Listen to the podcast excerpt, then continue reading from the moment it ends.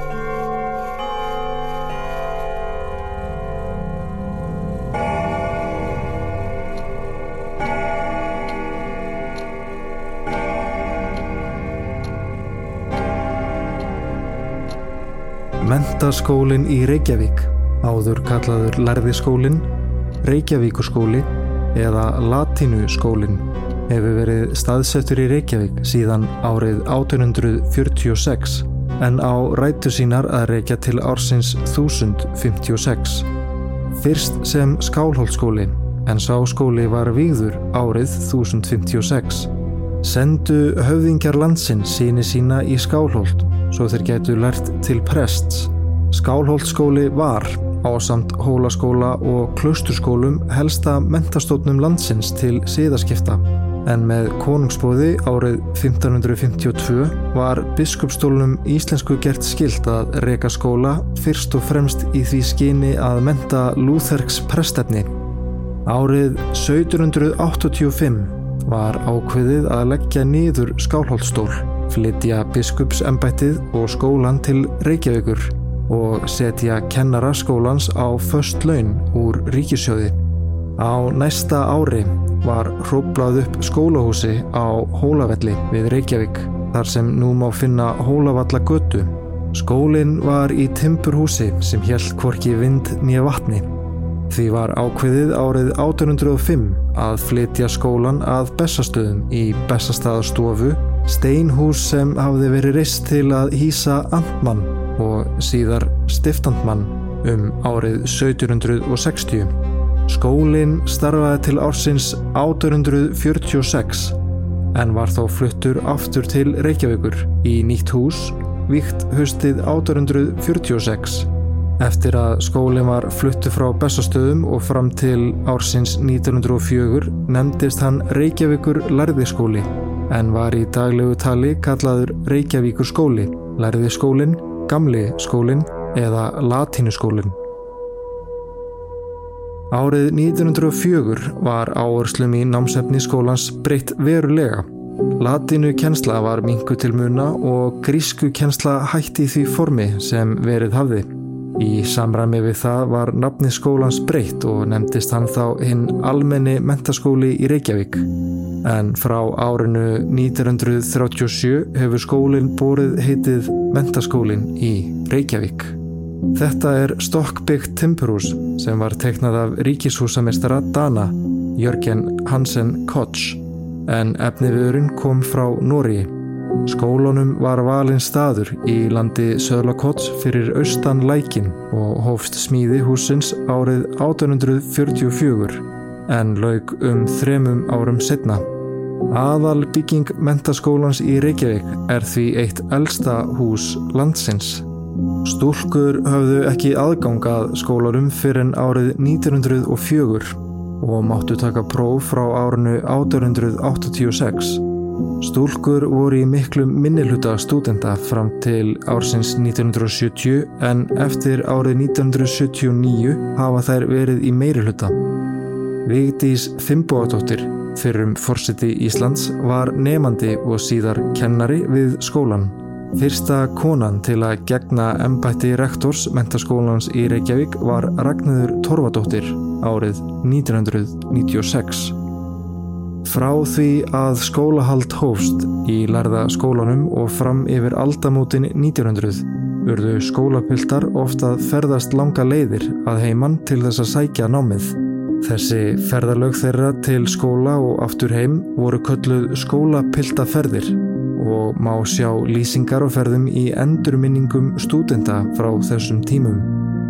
Þeir ferðuðist jafnan einir á hestbakki svo dögum skipti.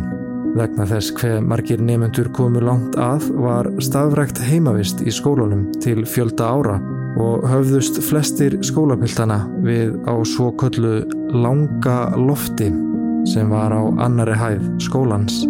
Voru það einna helst fátækir strákar utan á landi sem sóttu um þessi hlunindi og voru þeir nefndur sem dvöldu á loftinu kallaðir heima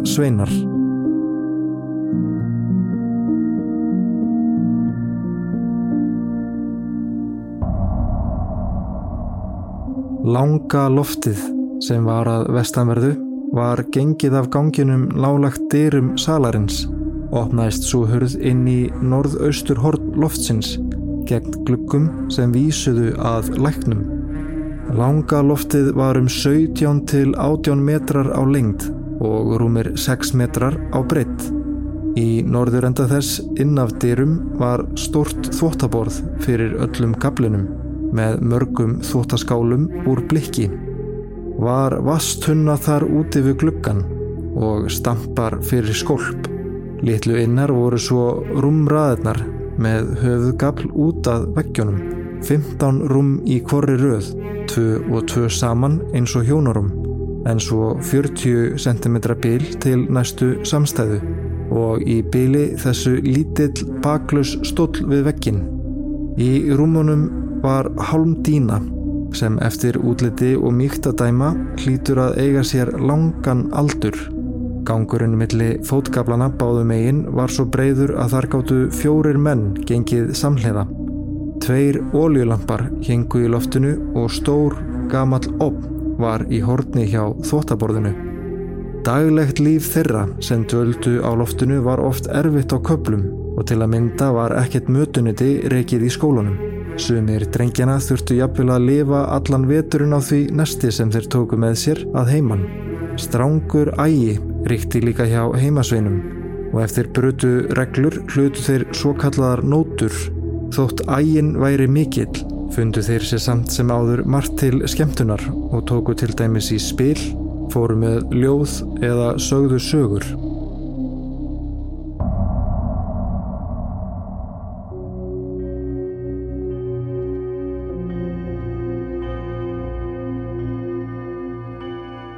Heima sveinar örðu stundum varir við skrítin hljóð og aðra undarlega atbyrði þegar þeir gistu í skólanum og þess vegna komu upp getgátur um rimleika í húsinu. Draugagangurinn var aðalega tengdur við langa loftið og háloftið þar fyrir ofan, þar sem spítalei skólans var staðsettur forðum daga. Einn saga um reymleika á efri hæðum húsins byrtist í morgumblaðinu þann 1. februar árið 1966.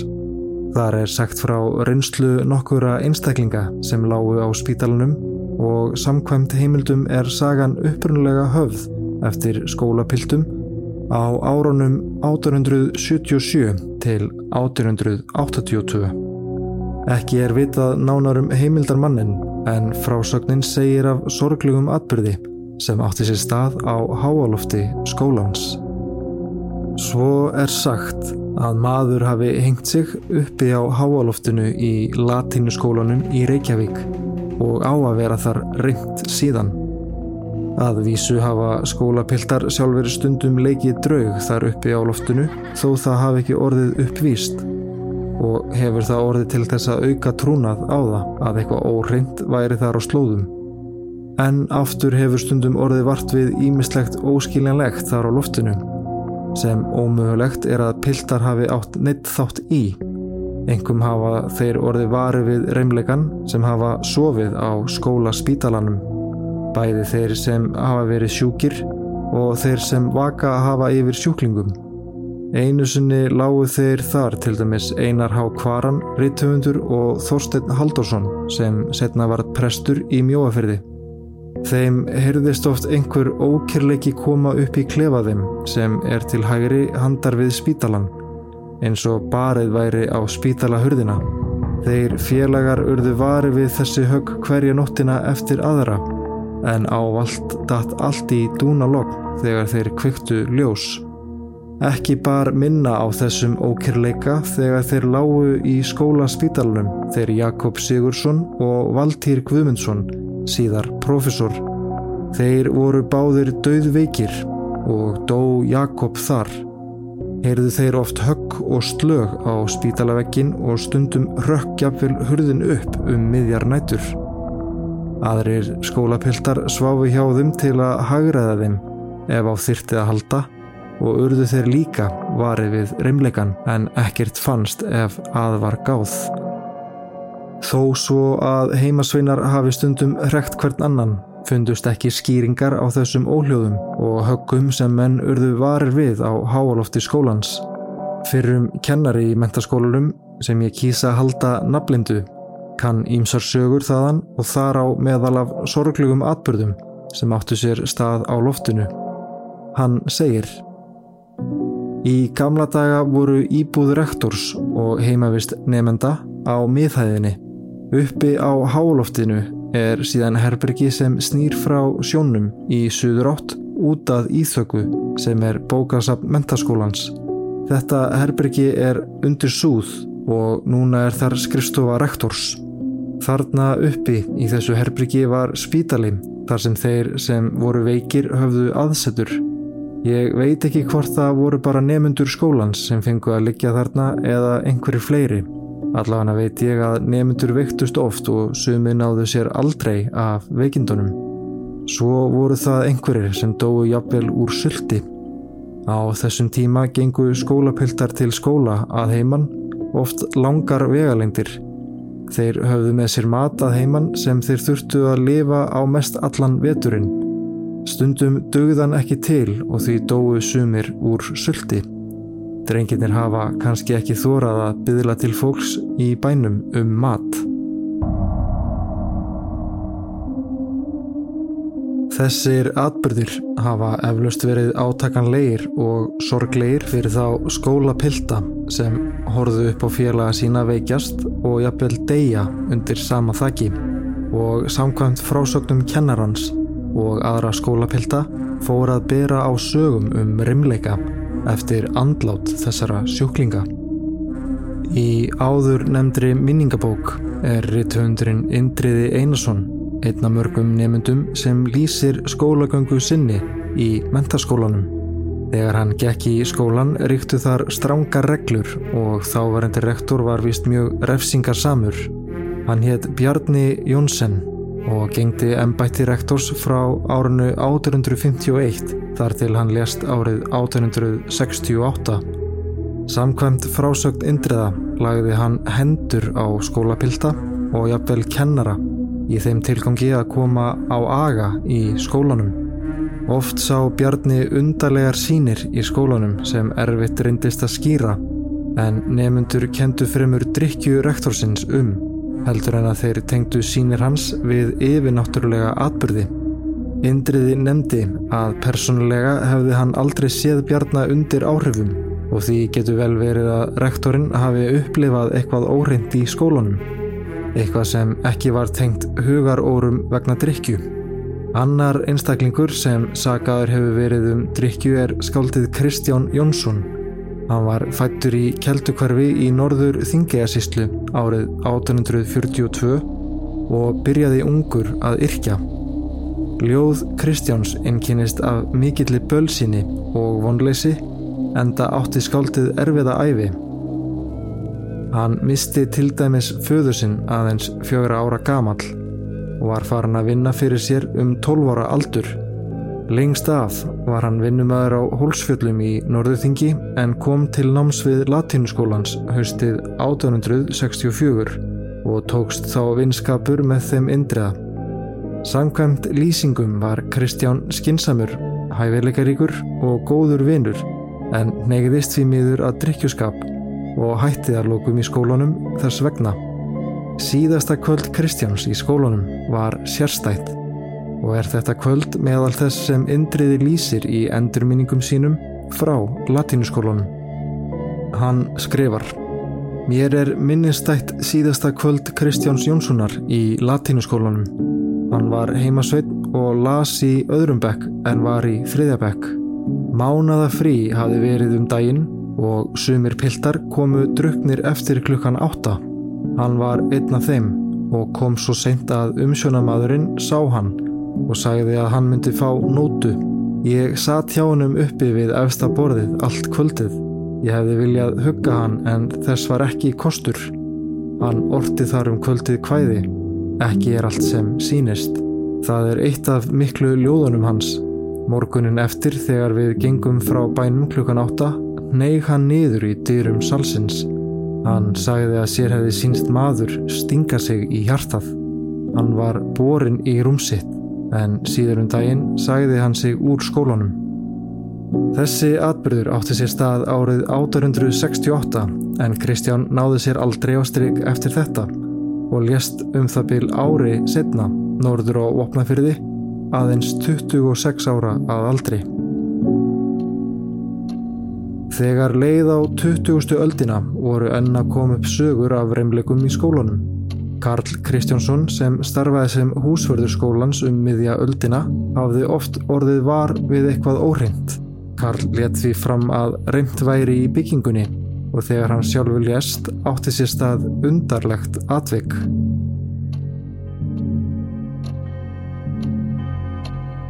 Þetta hefur verið um 1958-59 þegar Karl Kristjánsson var húsförður í skólanum. Hann hafði gaman að því að spjalla og samkvæmt honum var reymt í húsinu. Karl hjælt því samt fram að reymleikarnir væru ekki af hennu ítla, heldur góðkynja. Karl útskýrði þetta ekki frekar en þegar hann lest gerðist svo litið sérstakt í skólanum. Inn í andiri MR er stór klukka sem hefur verið þar langa lengi og gekk hún í marga áratugi án þess að bila eða stoppa. Karl hafði ekki verið mjög lengi húsverður þegar hann lést í mars árið 1961 en nóttina sem hann dó þá stoppaði klukkan skindilega. Ekki er vitað hvort þarna var um eitthvað dullrænt að ræða en það hugsuðu margir að þarna hefði Karl verið að minna á sig.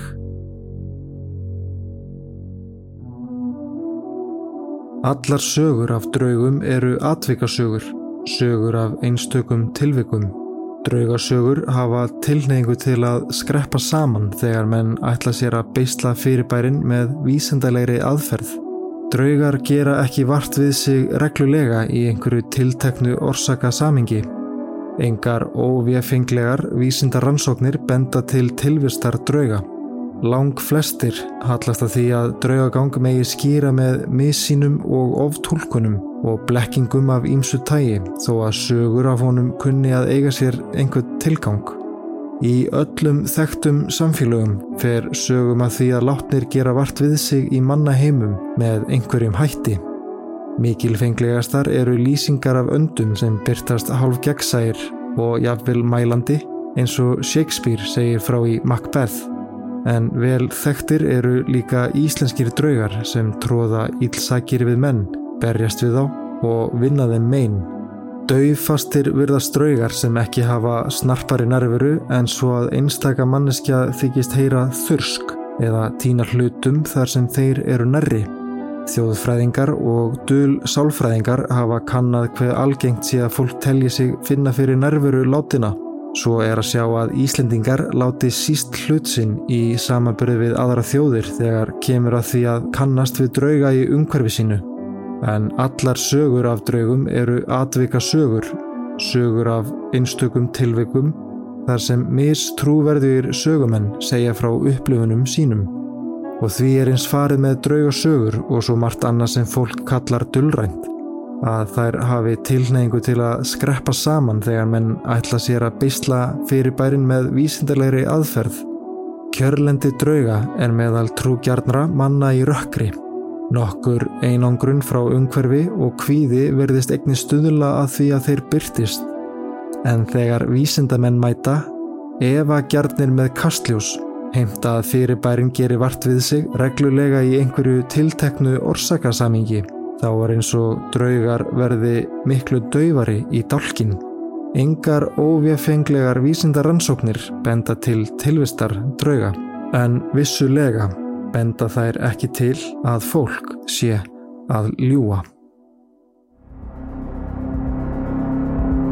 Við gerð þáttarins voru heimildir notaðar úr reymleikari Reykjavík eftir önnu Kristínu Ólastóttur og vísinda vefurinn eru einhverjar sannanir um tilvist drauga og annara slíkra anda eftir Sigurd Jóð Gretarsson, profesor í sálfræði við Háskóla Íslands.